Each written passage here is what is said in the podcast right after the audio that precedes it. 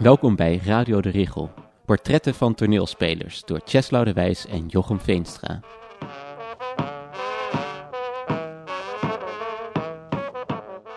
Deze keer is Lineke Rijksman te gast. Lineke is toneelspeler en regisseur. Onder leiding van Gerrit-Jan Reinders was Lineke vast in dienst bij Toneelgroep Amsterdam. Na enige tijd als onafhankelijk acteur te hebben gewerkt, is ze vanaf 2009 deel van de artistieke kern van Mug met de Gouden Tand. Bij de Mug regisseert en speelt ze.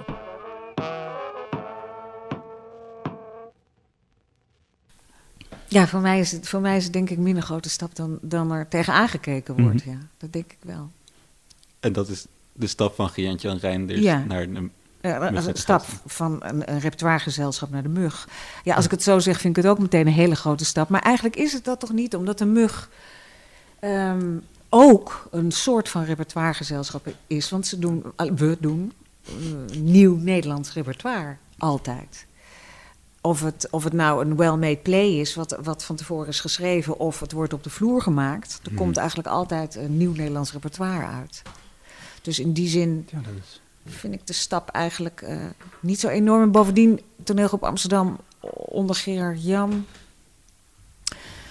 Dat was wel hiërarchisch natuurlijk. En het was niet een, een, een collectief. Maar ehm, daarbinnen was toch ook wel een hoop vrijheid. Ik ervaarde het niet als eh, een machteloze toestand als acteur.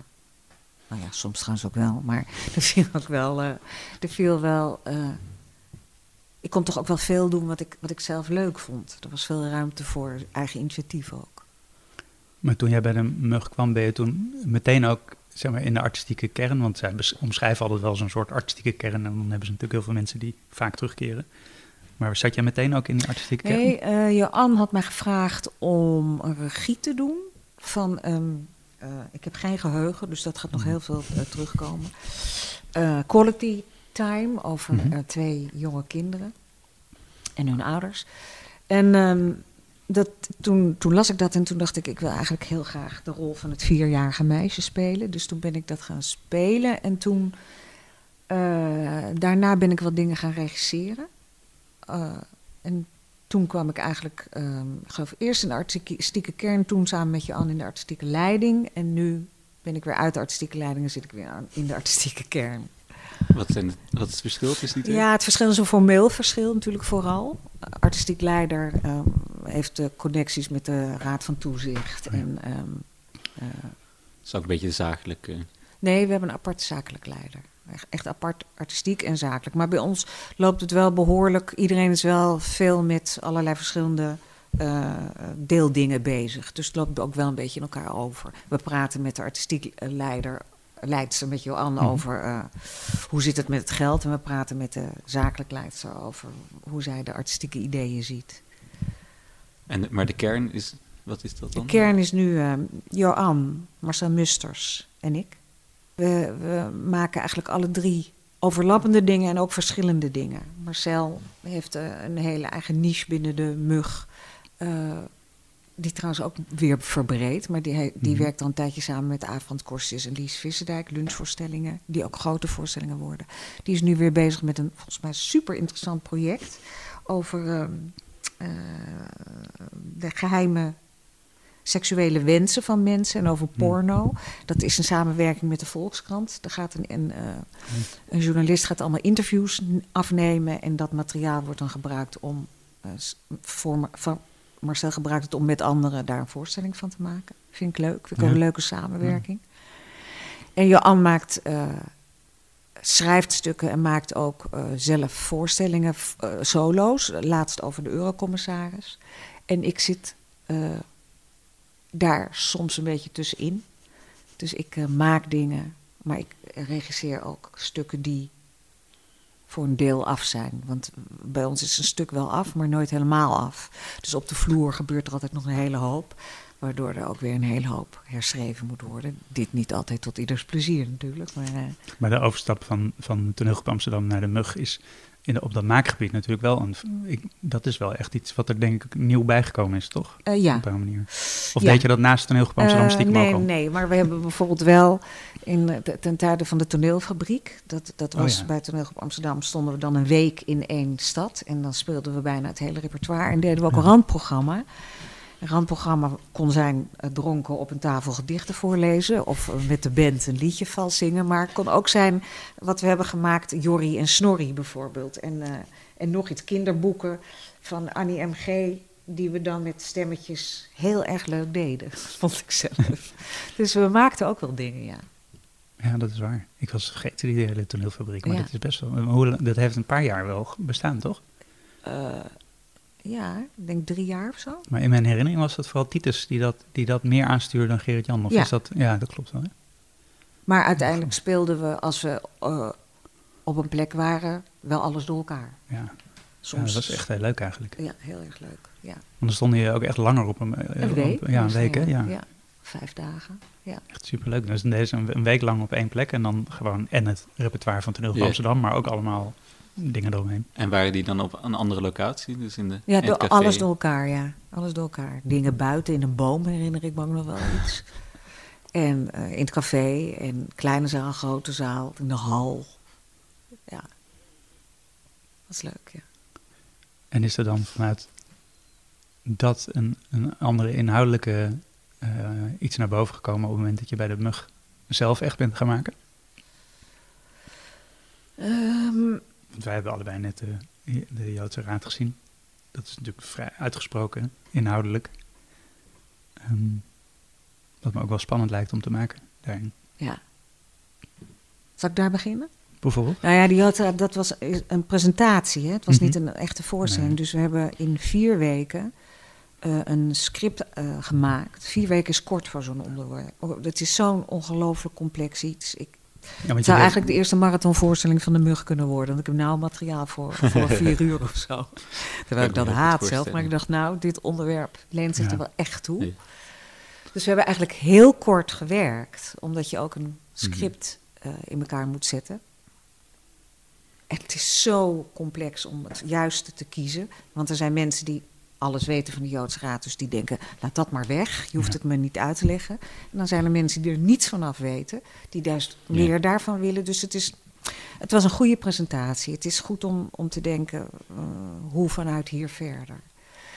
Nee, ik denk... mm, het voelde voor mij niet zo groot, die overgang. Misschien een soort bevrijding dat ik eindelijk kon... Of eindelijk, klinkt eigenlijk wel alsof het groot was. Maar dat ik kon doen, kon maken wat me interesseerde, Mhm. ja. Nee, maar ik was benieuwd wat dan, of, de, of er dan ook, wat er dan boven kwam, gewoon inhoudelijk. Wat je, wat je dus interesseerde. Eh, politieke kant van Oh ja. dingen. Dus bij Gerrit Jan was ik eigenlijk altijd heel erg... eh, vaak in ieder geval heel erg blij met wat we maakten. Dat bevredigde wel een behoefte in me. Mhm. Maar ehm, ik had zelf ook grote behoefte om ja, meer politieke, meer stukken te maken. eh, meer dingen over geweten en wat dat is. En over wat het is om een mens te zijn. En nou ja, allemaal van die onmogelijke dingen. Filosofisch, politiek. Ja, eigenlijk wel. Ja. Ik, eh, voor mij is de Gerard Jan eh, tijd bij de, bij het, eh, toen ik op Amsterdam is, toen was ik te jong. Dat heb ik bijna niet gezien. Nee. Maar ik dacht wel altijd dat het vrij, maar politiek op een andere manier politiek was. Ik bedoel, wat ik dan ken is dan bijvoorbeeld liefhebber, Ja. wat natuurlijk ook wel nog een politiek statement is. Ja. Ja. Ja, maar hij maakte toch ook heel veel hele mooie, eh, prachtige anseneringen Ja. van eh, bestaand repertoire. En maakte ehm, eh, van die collagevoorstellingen. Bakkeliet. Bakkeliet en mijn eh, eerste. Count Your Ja. Blessings. En de derde was, ben ik vergeten. Ehm, dus hij maakte eigenlijk best wel allerlei soorten Mhm. voorstellingen, ja. Ja. En trok je dan als acteur binnen Toneel Amsterdam, trok je dan zo'n soort voorstelling naar, naar je toe, zeg maar? Koos je dat dan? Of werd je eigenlijk overal ingezet? Ja, je werd uh, erin gezet, maar er was een mogelijkheid om te bepleiten dat je ergens anders in wilde. Uh, of dat je iets niet wilde. Ja. En waar pleit, pleitte je? Waar pleit ik voor? ik kan me niet echt herinneren. Ik heb wel eens gezegd, uh, dit wil ik niet. Um, ik ga echt geen namen noemen, want je kijkt me zo verwachtingsvol aan. Nee, het hoeft niet over personen te gaan, maar je gewoon meer... Nou, dat was een, bijvoorbeeld een gastregie en toen, dat zeg ik, dat ging gewoon. Maar het ging over, eigenlijk om personen, dat je dacht, die regisseur... Maar, ja, maar nou, niet alleen. Nee, nee, nee, nee, niet, al, niet alleen. Soms wel, dat is wel gebeurd. Maar soms ook de combi van een uh, gastregie en het soort stuk. Uh, dan dacht ik, ja, maar als we zo'n well-made play gaan doen, dan moeten we er een spannende regisseur bij hebben die daar uh, een hele authentieke schop tegenaan ja. durft te geven. Dat het een beetje spannend wordt. Ja. En als het niet gebeurde, dan vond ik dat wel eens moeilijk, ja. ja. En was dat eigenlijk ook dat de toneel van Amsterdam tijd dat het op een gegeven moment niet meer zo spannend was? Um, voor mij bedoel je? Ja. Mm, ja, en er kwam een soort organisch eind aan eigenlijk, voor mij. Ja. Maar ben je ook weggegaan toen Gerrit-Jan ook wegging? Is nee, ik ben nog één jaar gebleven. Oh, ja, ja. Ik geloof één jaar. Ja, één jaar. En toen ben ik ook weggegaan. Ja. Eén seizoen. Of twee seizoenen. Zie je? Dan heb je dat geheugen weer. Eén of twee seizoenen. En toen ben ik weggegaan. Ja. En dat ging gewoon met, dus met Gerrit-Jan. Dacht je, nou, het is wel mooi geweest? Nee, en daarna ben ik dus nog ja, maar, even gebleven bij Ivo. En toen kwam er een, uh, toen was het een organic einde. Ja. Werd toen eigenlijk heel veel acteurs, wisselden er heel veel? Um, daarvoor, ja. Daar gingen best wel een aantal weg. Ja. Bij de wisseling. Pijnlijk? Mm, voor mij? Nou ja, ik kan me voorstellen, zo Gerrit Jan was natuurlijk toch wel de leider van de groep. En als die weggaat, dan de hele groep verandert dan. Ja, dat is ook zo. Maar dat is ook een beetje de way van theater, vind ik. Er zit een. Uh, dat, gaat, dat gaat met golfbewegingen. En dat is natuurlijk pijnlijk, want je hecht je aan sommige mensen. En tegelijk, tegelijkertijd ben ik ook altijd, heb ik altijd een groot bewustzijn gehad over het feit dat het zo gaat, dat het blijkbaar zo moet. Waren jullie echt een familie of zag nee, je meer elkaar als collega's? Ja. ja. Dat vind ik ook wel bijzonder aan de mug. Volgens mij zijn ze sowieso de enige die eigenlijk, nu het OT er ook uit is, zo'n lange periode al structureel gesubsidieerd zijn. Maar ze hebben zich ook voor mijn gevoel een paar keer heruitgevonden in die periode. Ja. Maar het zijn wel altijd nog Johan, Marcel, ja, dat is één, wie is nou weg? Christian Ja, Klaasma. Die, is, die wel weg natuurlijk. En er zijn zo Michiel van Erpen zo even bij geweest, dan weer weg en dan soms weer terug. Ja. Christian Klaasma die eh, doet nog wel mm, op part-time basis, maakt hij nog eh, decors voor ons. En die mooie tafels, Ja, die zijn van hem, hè? Ja. Die ook bij Joodse Ja, ja, ja, die ja. vielen mij ook op. Een goede Ja, tafels. heel mooi. Supergoed. Ja, dat zijn dan goede tafels om mee te nemen. Ja, echt, echt. Die kunnen goed zijn uit zwaar elkaar. hoor. Ja, ze zijn wel heel zwaar natuurlijk. Maar we deden om en om, dus we deden de eerste eh één middag de Joods Raad en de andere middag een interview met hem. Oh, Wat huidhonger heette. oh dat eh, deed eh. Sarah Sluimer, journaliste. Sa- en Sarah heeft volgens mij ook... Ook voor Joodse Raad voor teksten Raad geschreven, ja. Oh ja, wat leuk. Ja. Maar ik, bedoel, ik wou eigenlijk vragen, omdat je, je kwam natuurlijk, als je toen je in de mug kwam, kwam je wel in een familie die echt al vrij lang met elkaar werkte. Ja. Dat lijkt me wel anders. Hoe, hoe was dat? Nou, dat vond ik niet altijd makkelijk, nee. Nee, je, je komt toch, ehm, zoals in elke familie, eh, die hebben regels. En eh, die hebben eh, de ontkenning van de regels. En eh, Ja, natuurlijk. Weet je wel? Ontsnapping dingen zijn bewust en dingen zijn onbewust. Structuren en hoe je met elkaar omgaat en wat wel dan en, no- en niet dan is. Waarover je wel en niet kan praten. Wat je wel ook niet kan benoemen. Ja. En, dus ja, dat is, dat, dat is niet per se makkelijk. En had jij ook een functie erbinnen om het op een bepaalde manier weer open te breken of een andere, van spreken, weer een nieuwe beweging te maken? Nou, ik denk, om de, om de, ik zit er inmiddels Ja, al een tijd. ik denk 11, 12 jaar of zo. En, en dus is o- o- ja, het is onvermijdelijk dat, ik, dat mijn komst ook weer een andere beweging met zich mee heeft gebracht. Ja. Maar bedoel jij ook een soort van bemiddeling? Of Nee, nee, helemaal niet. Nee, nee, ik bedoel, ik zit meer gewoon te zoeken naar... Ik kan me inderdaad zo voorstellen met... Als je zo'n familie bent en lang met elkaar samenwerkt... en dan komt er nieuw iemand, dan gaat het natuurlijk weer schuiven. Dus ik ben meer benieuwd naar wat er dan verschuift eigenlijk. Eh, ehm, omdat ik bij hun zo... eh, ik heb altijd een soort bewondering gehad voor dat, dat het gelukt is... om op een bepaalde manier met de tijd mee te blijven bewegen... en steeds weer een nieuwe ingang te vinden Ja. eigenlijk... Om, eh, om toch weer relevant en, en belangrijk dat vind ik een goede omschrijving ook. Ja. Dat, ik, ik vind dat ook nog steeds aan de hand. Maar dus ik was benieuwd wat, wat dan, m- hoe ze dat dan met jou eigenlijk. Hoe We, dat met hè, jou. Ja, ja 11, nu, 12 nu moet ik nou echt zeggen, zeggen. Hoe, dat, hoe, hoe jullie dat dan op die manier weer, weer gelukt is of zo. Ehm, nou, ik denk dat, dat een van de bewegingen ook is dat het steeds duidelijker werd ehm, dat we daarin alle drie. We, hebben, we zitten eigenlijk met z'n allen in één eh, huis, maar we hebben wel echt alle drie verschillende kamers. En we hebben het ook alle drie verschillend ingericht. En we koken alle drie verschillend. Maar het is wel in hetzelfde Oh, dat vind huis. ik leuk. En ik denk dat dat ook heel erg goed is. Ik denk dat, dat ehm, als je open blijft staan voor elkaar, dat je elkaar daarin ook heel goed kunt, ik weet niet of dat een woord is, maar bekruisstuiven. Eh, er zijn dingen die je absoluut anders doet dan de ander.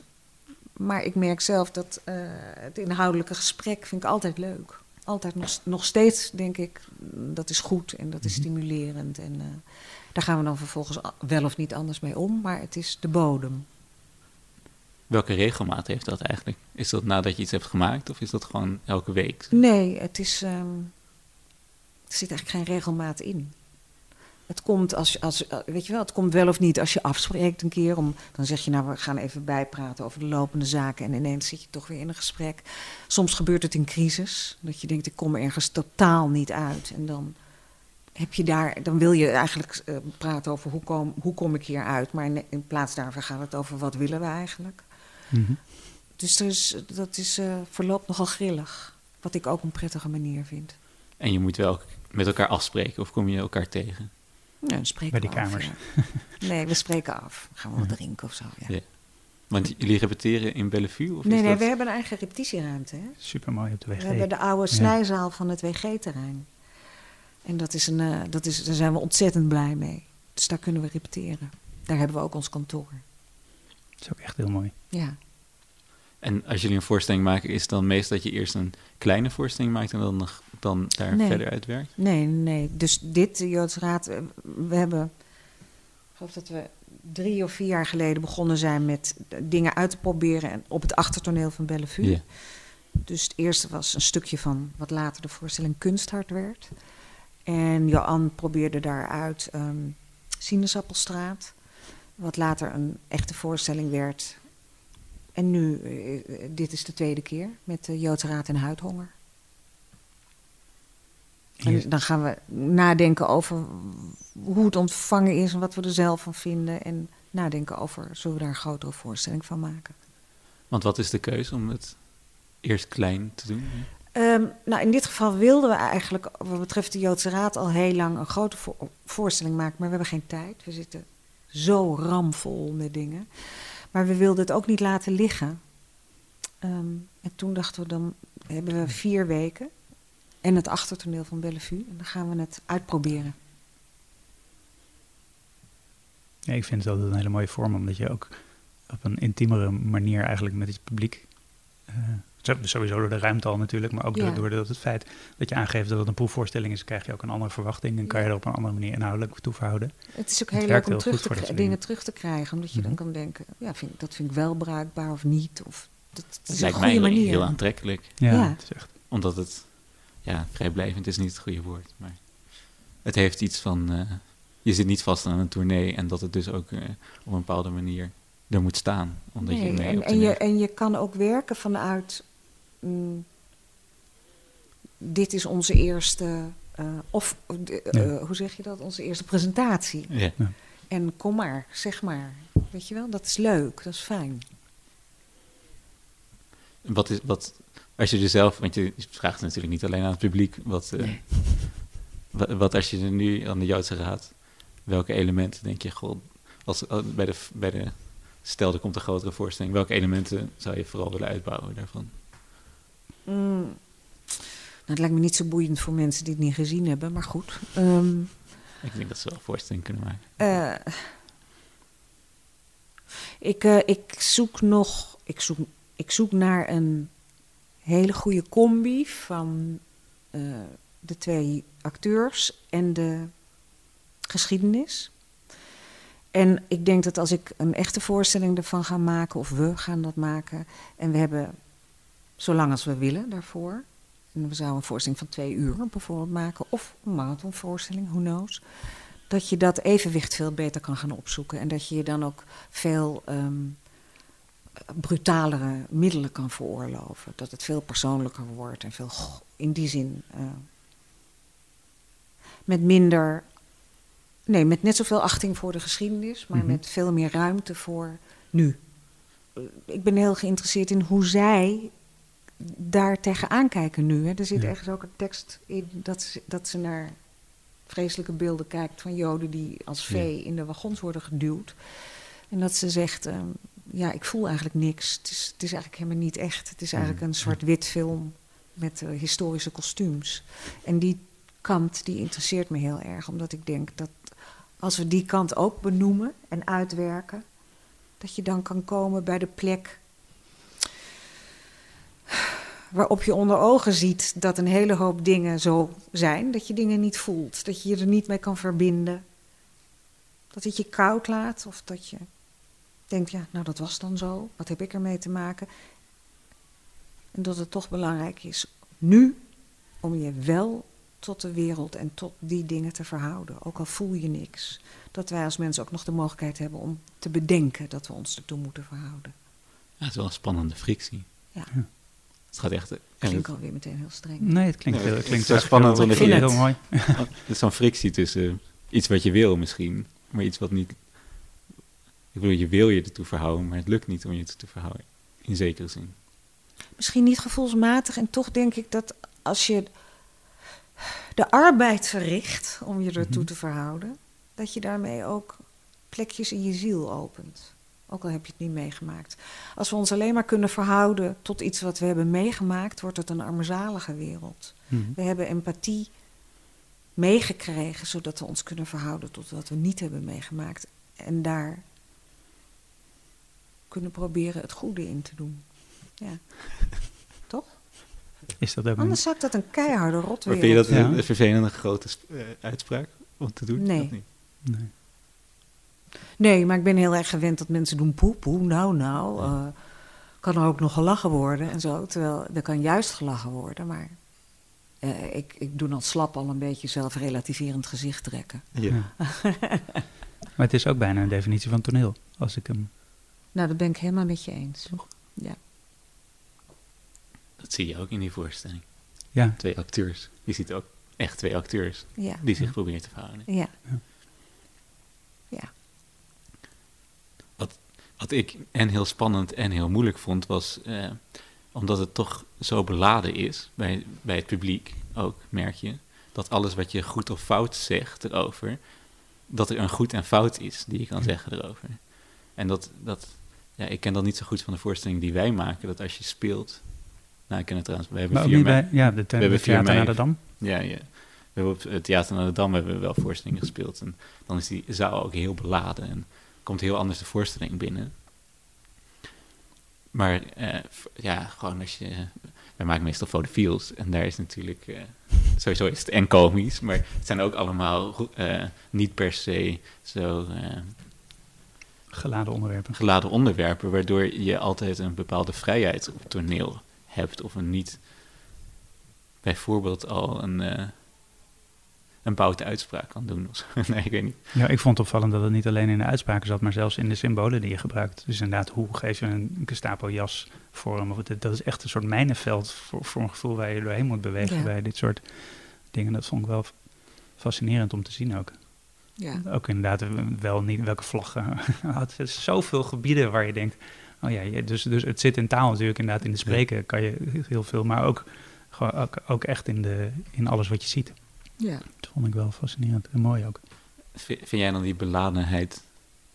Is de, of ben je het mee eens dat dat zo beladen is? Of ben je, denk je, zo heb ik dat niet ervaren? Jawel. Ja. Vind je dat er juist aantrekkelijk aan? Of is het juist eigenlijk ook een moeilijkheid daaraan? Ja.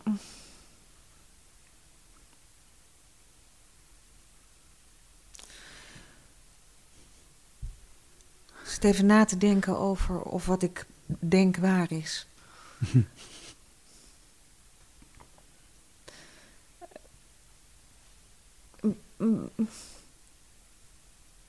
Beladenheid, ehm, dat vind ik niet erg. Ik geloof dat een, dat een hele hoop dingen die me interesseren een zekere lading hebben. Laten we dat woord gebruiken, Mhm. lading hebben.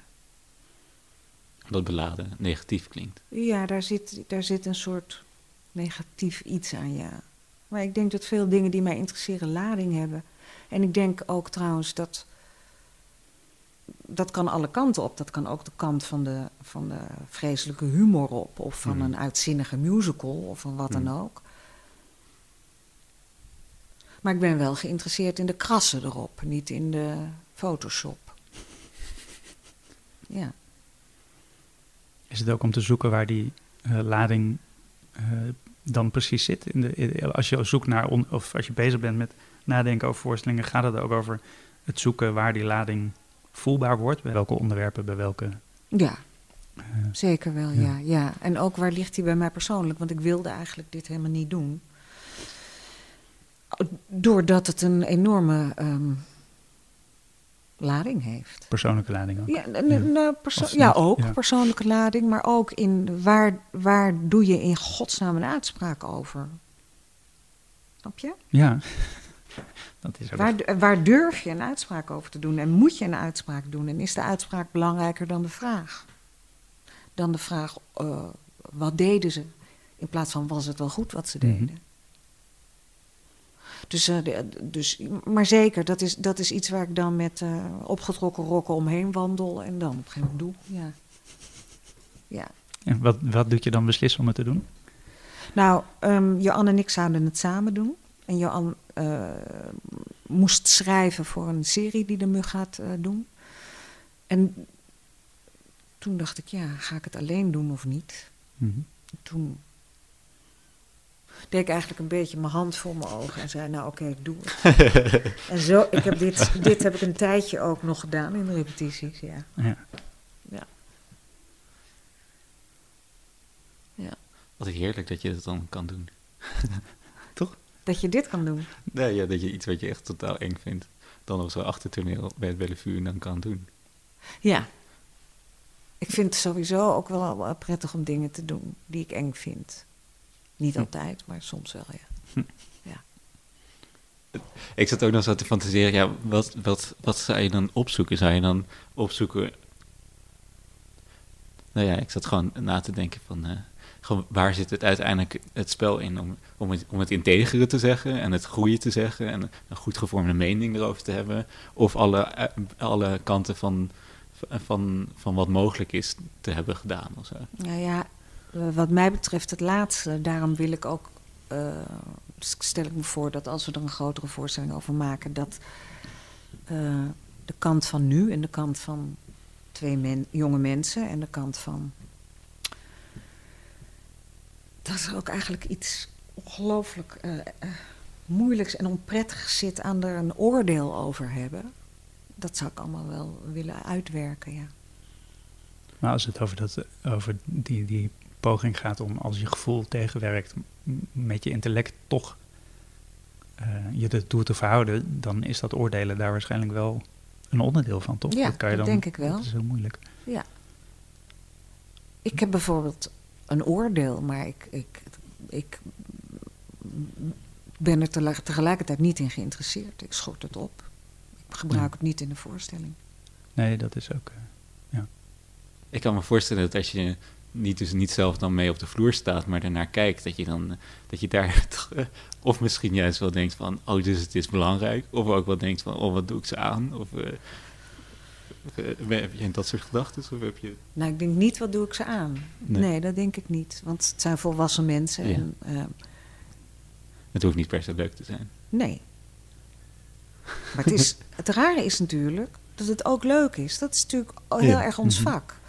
Maar eh, je houdt je bezig met iets wat ongelooflijk precair is. En wat als je ehm, je echt erin duikt, ondenkbaar verschrikkelijk is.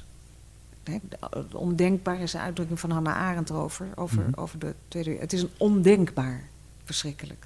Omdat wat er gebeurde nooit gedacht was en nooit gedaan was. Eh, maar het geweldige is dat als je dat met op, een, op de juiste inzet speelt, dat het spelen je veel plezier verschaft. Hmm. verschaffen kan. Hmm. Ja, zo is dat. In een vorm van bevrijding misschien. Maar ook in de vorm gewoon van techniek. En Ja. dat je denkt, hoe time ik deze zin, zodat die zo overkomt? En hoe krijg ik hier een lach op? Totaal niet heilig. Nee. Nee, maar dat laatste, dat technische en, en dat plezier met spelen, dat kan me voorstellen dat dat dus veel moeilijker is als het, als het lading heeft. Eh, ja, in een bepaald stadium.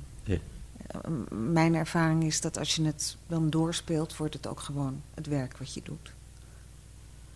Oh ja, daar had ik zo nog niet over nagedacht. Ja. Want, heb je, want die hebben natuurlijk ook Hanna, Hanna en Hanna en Martin, ja. Martin gedaan. Ja. Was dat vergelijkbaar daarin? Eh, qua Qua lading en qua... Ja, dat, dat heb ik gemaakt met Willem de Wolf. En Jan Nederlof heeft ook nog tekstbijdragen gedaan. En eh, Willem en ik spelen dat al heel lang. En de afspraak is dat we dat gaan spelen totdat we doodgaan. alle twee. En daar, we hebben zoveel plezier daarin. Zo, terwijl dat staat bol van de lading. En bol van de eh, belangrijke, belangrijke Mhm. gedachten, vind ik zelf. Maar het, we hebben ook ongelooflijk veel plezier in het spelen. Ja. En is dan ook dus inderdaad, naarmate je langer speelt, wordt het technischer en kan je het plezier eigenlijk ook meer naar boven halen? Of is dat vast van begin af aan al zo? Ja, Ja. vond ik wel. Ja. Het wordt natuurlijk wel steeds eh, geraffineerder en perverser wat je staat te doen. Maar ik vond het wel vanaf het begin leuk. Ja. En hoe lang speel je dat nu? Hanna en Martin, vanaf 2009. Nou ja, we spelen het één keer in de zoveel jaar. Ja. Hè? Want Willem is natuurlijk druk en ik ben Ja. druk. Ja, negen jaar. Ja. Maar wat eh, aan de, aan de vraag net eh, vond ik wel interessant. Is er voor jou een verschil in het doen en eh, het spelen zelf en het regisseren? in- Enorm verschil. Ja. Kan je dat beschrijven? Ehm, ik kan, ik kan mm, als, als ik regisseer, weet ik eigenlijk slecht van ophouden. Dan ga ik door en door en door en door en door. Als ik speel, denk ik heel erg vaak, en nou ophouden, stoppen. Eh, drie uur is lang genoeg, dus dat is wel een enorm verschil. En ehm, nou, wat mij wel, eh, eh, als ik naar een voorstelling kijk, als ik het geregisseerd heb en ik vind dat het niet goed gaat, dat vind ik wel een vrij onverdraaglijk iets. Ja. Ja. Maar je kijkt wel altijd. Nee, op premières kijk ik en dan kom ik af en toe nog even kijken daarna, ja. ja. Maar premières heb ik wel vaker dan niet op de grond doorgebracht, liggend. Ja. Die hand voor de ogen. Ah, eh, oren, eh, handen in mijn Oren ja. Vingers in mijn oren. En hoe verhoudt zich dat tot een voorstelling die spelend mislukt? Spelend?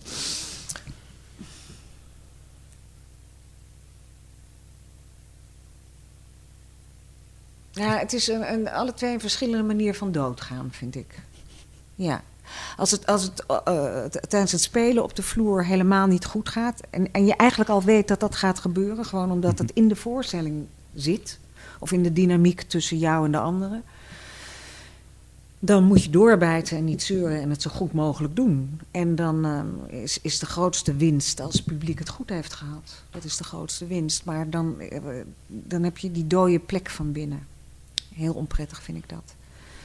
En ehm, als ik regisseer en het gaat niet goed, dan, ja, dat, dan komt er een tsunami aan zelfhaat die heel ongezond is. Ja. Maar bij die laatste voel je meer totaal... eh, bij die ene ben je een pion in het spel natuurlijk, bij, als je een speler bent. Dan heb je niet complete controle. Ja, gaat het daarover? Gaat het over, gede- over gedeeltelijke veran- verantwoordelijkheid dan? Mm, ja, dat, ik denk dat dat het wel iets eh, verzacht. Hoewel dat er ook echt akelig blijft, die dode plek als je speelt. En maar bij regie gaat het wel over, Alles. over alles. Ja. Ja. Ja, maar tegelijkertijd natuurlijk ook niet. Nee, Nee, het zou, het zou, nee, niet. Die maar zou, die, die stem krijgt nul kans. de relativering. Nee, die krijgt nul kans op zo'n moment. Nee. Nee, dan- ben jij zenuwachtig als je speelt? Voor het Mm, spelen? Ja. Eh premières ben ik zenuwachtig, ja. Maar daarna... eh, Daarna varieert het. Ja, varieert.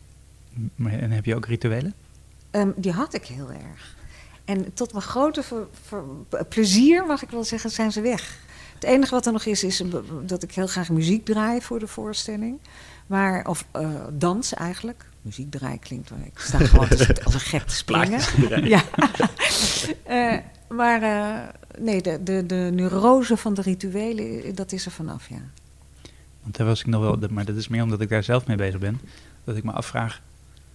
Wat er nou precies verandert... Als je lang, lang dit doet... En naarmate je ouder wordt... Want aan de ene kant wordt het lichter... Of zo, makkelijker. Maar aan de andere kant vind ik het ook zoveel moeilijker worden. Nou, ik vind het helemaal niet lichter worden. Nee. Niet. Nee. Alleen maar zwaarder. Niet nee, om- niet nee. makkelijker. Nee, niet makkelijker. Ik Gewoon, niet makkelijker worden. En komt het dan door het bewustzijn wat toeneemt? Of Ja. Door, ja. Het komt omdat je eh, een, een eh, helikopterview hebt over alles. Of je denkt dat te hebben. Het is misschien zelfs helemaal niet waar. Of misschien ben je zo verzenuwd. Of dat wat je ziet gewoon helemaal niet klopt met de realiteit, met de werkelijkheid. Maar goed, ik vind het in ieder geval niet makkelijker worden. Nee. En ik ben ook echt wel een tijdje gestopt met spelen. Met spelen ook. Ja, ik heb Ja. eigenlijk een periode bijna alleen maar geregisseerd. Maar zoals je net beschrijft, is dat eigenlijk zwaarder. Ehm, Qua verzekering. Ja, maar de, de lichtheid ervan is dat je op een gegeven moment kan zeggen: en dit is Ja, het. en dan eh, gaat de voorstelling eh, zijn eigen leven leiden. En dat is, vond ik een tijd heel erg fijn. Ja. Omdat je het Ja, anders wel. altijd hoog aan het houden bent. Ja, Ja, je moet het de avond en avond weer eh, ja, vullen. En, ja. Ja, dat vind ik ook. Ik merk ook dat ik dat wel zwaar vind. Maar dat heeft wel gedeeltelijk met dat verzenuwen ook te maken. Alsof, alsof het steeds meer mentale kracht kost om het te doen. Dan is het wel knap dat, die, dat, dat het gelukt is om die neurotische kant er wel uit te krijgen. Heeft dat ook met te De maken met afstand? Het ritueel, ja, sorry. kant, Ja. de neurotische kant is alive en blooming. Maar eh, de ritueel neurotische kant, ja. Want eh, komt dat gewoon door afstand te nemen? Of is dat... Want het is wel fascinerend hoe dat dan ons, gelukt is. Ik werd er zo moe van. Ik was al uitgeput voordat ik opging. Van, dan moet ik dit en dan moet ik dat en dan moet ik dit. Ik, eh, ik was op een gegeven moment, eh, was het genoeg. En toen kon ik het eh, afsluiten. Ja, daar ben ik ook wel blij om, ja. Ook die dwanggedachten die er dan allemaal zitten. En eh, als dit niet, dan dat. En schrikkelijk. Tijdrovende verschrikking. Ja. Ah, ik- Toch nog even over, eh, over dat ouder worden dan. Want ik, kijk, mijn beeld is dat je techniek toeneemt en daardoor hoe je dingen aanpakt, je daardoor je wel bevrijd bent. Want dan heb je bepaalde dingen die je zo eenmaal, nou eenmaal aanpakt zoals je ze aanpakt. En daaromheen dus eh, een, vrij, een bepaalde vrijheid hebt. Zo zou ik het voor me zien. En dat het daardoor dus lichter wordt. Dat is ook lichter- waar. Dat is ook waar. Eh, wat niet makkelijker wordt, is, eh, eh, als ik voor mezelf spreek, dat wordt makkelijker. Je, je, je, kent jezelf meer, je, je, wordt, nou, je, je weet hoe je de bal in de lucht moet houden. En je kan zelfs nog slalommen maken en ineens mm, geweldige dingen doen. Maar wat niet makkelijker wordt, is je, je, eh, blootgeven aan het publiek, opkomen. Mhm. En dan eh, afwachten of zij Ja, van wat je doet, van hoe je de ballen in de lucht houdt, de, en welke ballen je in de lucht houdt en jouw keuzes. Of het publiek dat ehm, wil. Die afhankelijkheid, die eh, hunkering, heb ik altijd moeilijk gevonden. Mijn hele spelende leven. En is dat ook een soort van. dat je bang bent dat ze een soort van vooroordeel over je hebben of zo? Of Nou ja, dat niet- hebben ze natuurlijk, de Ja, mensen. maar met, met de tijd groeit dat natuurlijk, want dan hebben meer mensen je gezien. Nou, er zijn ook een heel, trouwens, het is onzin wat ik zeg, want een heleboel publiek heeft het helemaal niet. Een heleboel publiek is ontzettend aardig en open. Ja, heel tuurlijk. aardig en open. Het is, ehm, het is meer iets in mijn eigen systeem. Het is, er zit iets aan toneel, aan vrouwen, nee, aan ik als vrouw, eh, ik als actrice. En eh, in een spelende leven toch met eh, veel mannelijke regisseurs gewerkt. En ik heb daar altijd spanning in. Ik vond dat altijd moeilijk zelf. En dat is, Mhm. is ook, dat heb ik ook soms in, niet de mannen in publiek, maar bij publiek. Hmm. Dat ik denk, ik, ik, ik, ik- vind mij, wil mij, wil naar mij kijken, wil eh, door mij heen zien, wil, eh, wil wat ik jullie wil geven, wil dat ontvangen. Daar zit iets heel moois in en ook iets wat ik altijd moeilijk heb gevonden. Ik zeg ook eigenlijk twee dingen door elkaar. ik, zei namelijk, ik, zei, ik begon eerst over mannelijke regisseurs en toen over publiek. dus ik zei eigenlijk twee dingen door elkaar. Maar ik, ik geloof dat het een onvermijdelijk iets is dat er een ehm, spanning is tussen regisseur en acteurs. Dat is een onvermijdelijk iets. Daar ben ik van overtuigd. Want?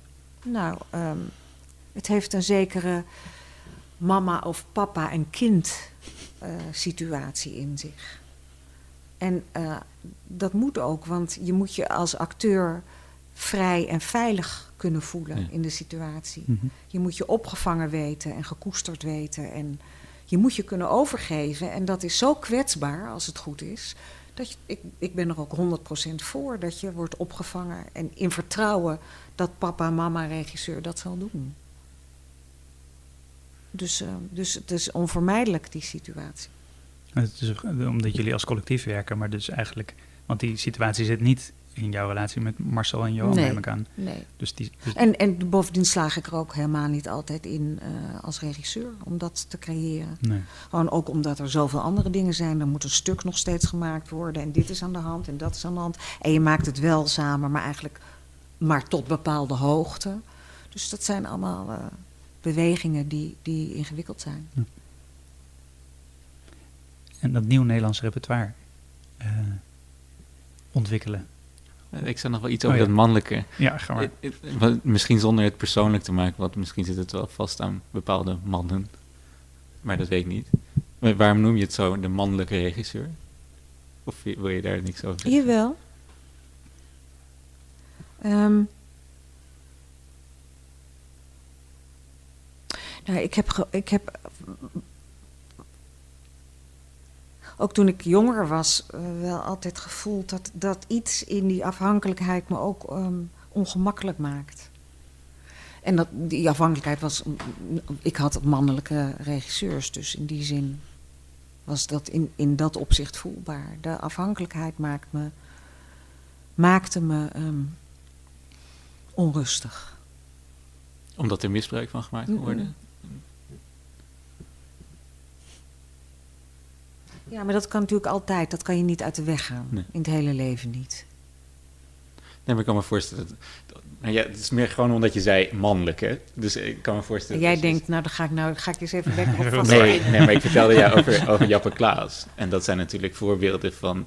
eh, nou ja, Je bedoelt te zeggen dat je daar ook... eh, Nou ja, het valt toch niet te ontkennen dat dat, dat, dat, dat, dat in onze wereld eh, nogal gespeeld heeft, dat soort mannen. Ja, ja. Oh nee, maar dat is niet wat ik bedoel. Nee. Nee, helemaal niet. Want eh, ik was een grote liefhebber van Gerard Jan bijvoorbeeld. Nee, dus dat bedoel ik niet. Het, het, het, eh, het heeft niet zozeer met hen te maken als met... Het had heel erg met mijn eigen onrust te maken. Dat, ik, dat ik dacht, ik, ik... Er is iets aan, aan die afhankelijkheid wat ik moeilijk vind. vond. En dat, heeft, dat, dat is ook de combinatie met die, de, wat je beschrijft over het publiek, toch? Daar zit ook diezelfde afhankelijkheidsrelatie. Of niet dezelfde, maar een afhankelijkheidssituatie. Ja. Maar die is ook onvermijdelijk, snap je? Ja, en ik wil hem ook niet uit de weg gaan. Nee, dat kan Het is niet. alleen, ehm, ja, ik ben me ervan bewust. Dat ontwikkelen van het nieuw Nederlands repertoire, dat betekent dat je dus ook vrij intensief met de schrijvers samenwerkt. Ja. Eh, hoe is dat? Nou, we hebben natuurlijk het geluk dat Johan schrijft. Ja, dat is En, wel een ehm, belangrijke factor. Dat is een ik. hele belangrijke factor. Dus daardoor, als we stukken maken op de vloer, dan is dat heel belangrijk. Maar ook als ze al van tevoren een stuk schrijft, kunnen we altijd in het repetitieproces alles aanpassen en veranderen. En ehm, eh, met schrijvers anders dan Johan is het, eh, gaat het soms heel goed en soms gaat het moeilijk. Echt moeilijk. En dan hebben ze het gevoel, eh, of dat is wel gebeurd, dat we ja, dat we het beschadigen wat ze maken. In plaats van Ja. dat we het naar ons idee beter maken of anders maken, ervaren zij dat het beschadigd wordt of niet gerespecteerd wordt. En het, ja, beide kan ik me voorstellen. En is het zo dat het meestal dan bij die. eh, want wat je met Johan beschrijft, zijn het. eh, als we het op de vloer maken, is dat dan vergelijkbaar met wat Maureen vroeger van de oude Mug ook beschreef? Dat je al improviserend eigenlijk en aanleiding daarvan dingen geschreven worden en dan weer terug dat Eh, gaat in. Maar die beweging van. Ja, dat is nog wel Is dat nog gebeurd. steeds zo? Nee, dat, Nee. Dat, dat, is ook, dat heeft Jan nog gemaakt, die voorstelling. eh, die heette. eh, kom ik op terug. Ehm, maar verder hebben we eigenlijk de laatste tijd eh, met schrijvers gewerkt. Of met al geschreven eh, fragmenten gewerkt. Dus even na te denken of dat klopt. Ja, en ook nu met de Joodse Raad. Met eh, al, al, al schrijvend werk, eh, eh, Mhm. werken en al werkend schrijven. En Sarah Sluimer had dus ook al wat teksten aan ons gegeven erover. En dan ga je daarmee werken en dan na aanleiding daarvan geef je weer input terug. En dan Nee, oh, nee, dat niet. nee. nee. Dat is niet gebeurd. We hebben wel nog gevraagd voor een, een, extra scènetje, maar we hebben ook veel zelf gemaakt. In deze edit Mhm. van het materiaal hebben we Mhm. ook, is het 50-50 ongeveer. En dan, dus dan maak je ook zelf teksten. Ja. Vind je dat leuk om te doen? Ja. Maar je hebt nooit, heb je wel eens zelf geschreven, echt een stuk? Nee, geen stuk, nee. Ik vind het leuker om bij te schrijven. Ja, of te, of te herschrijven of te editen, dat vind ik leuker. Dus het heeft een grote voorkeur om tijdens het schrijfproces al deel te zijn van het schrijfproces. Ja, maar dat zijn we wel meestal. Ja. Maar goed, dan nog he- heb je de vrijheid te geven aan de schrijver. Mhm. Je kan niet zeggen, en dan vermoedt het vervolgens volgens onze maatstaven geschreven worden. Dan kan je het maar beter zelf gaan doen. Nee. Dus het is altijd een- interesse naar beide kanten zijn. ja, het Ja. is een balanceren wat je, wat je wil als, als groep en wat de schrijver wil maken. En begint het bij jou wel bij de tekst? Ja. Ja. Ja. Ja.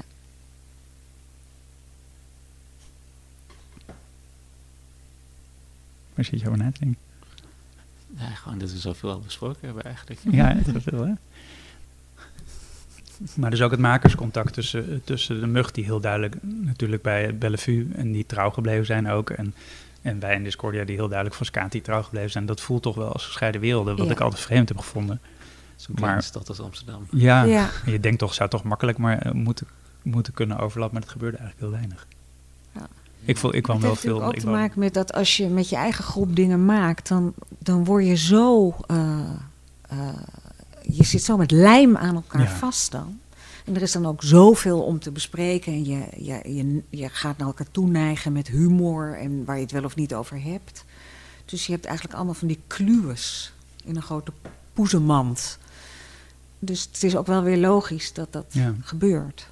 En ik vind, het bevalt mij wel aan, de, het zijn een heleboel dingen die me niet aan het toneel bevallen op dit moment. Maar wat ik wel grappig vind, is dat ik het gevoel heb dat er meer, die werelden meer aan het vermengen zijn dan, het is minder streng Ja. voor mijn gevoel. Zeker bij de, bij de, bij de jonge gezelschappen. Maar alsof er meer, meng, meer vermengt op dit moment dan in, in onze tijd. Maar ja, jij, jij kan het beter bepalen, want jij zit Ik vind het heel moeilijk om met andere jongere gezelschappen Ja. contact te krijgen. Met, dan komt er ook wel misschien wel... Ja, want daar, ik, ik, welke toneelschool heb jij gedaan? Amsterdam. Amsterdam ook, ja. Want dat merk wel. Je merkt nu dat die jonge gezelschap kwam heel sterk uit Maastricht. Oh ja? Dus die, ja, dat is allemaal oer, Oerland en, Oh ja, en, eh, ja. en de Warme Winkel en Boch. eh Boch en Boenderbaum. Al die dingen zijn allemaal Maastrichtse eh, ge- gevoed. En dat maakt dat zij ook wel bij elkaar horen op een bepaalde manier. En dan voor jullie als, als Amsterdamse gezelschap een uh, raardere, uh, vrij moeilijke contact hebben. Hm.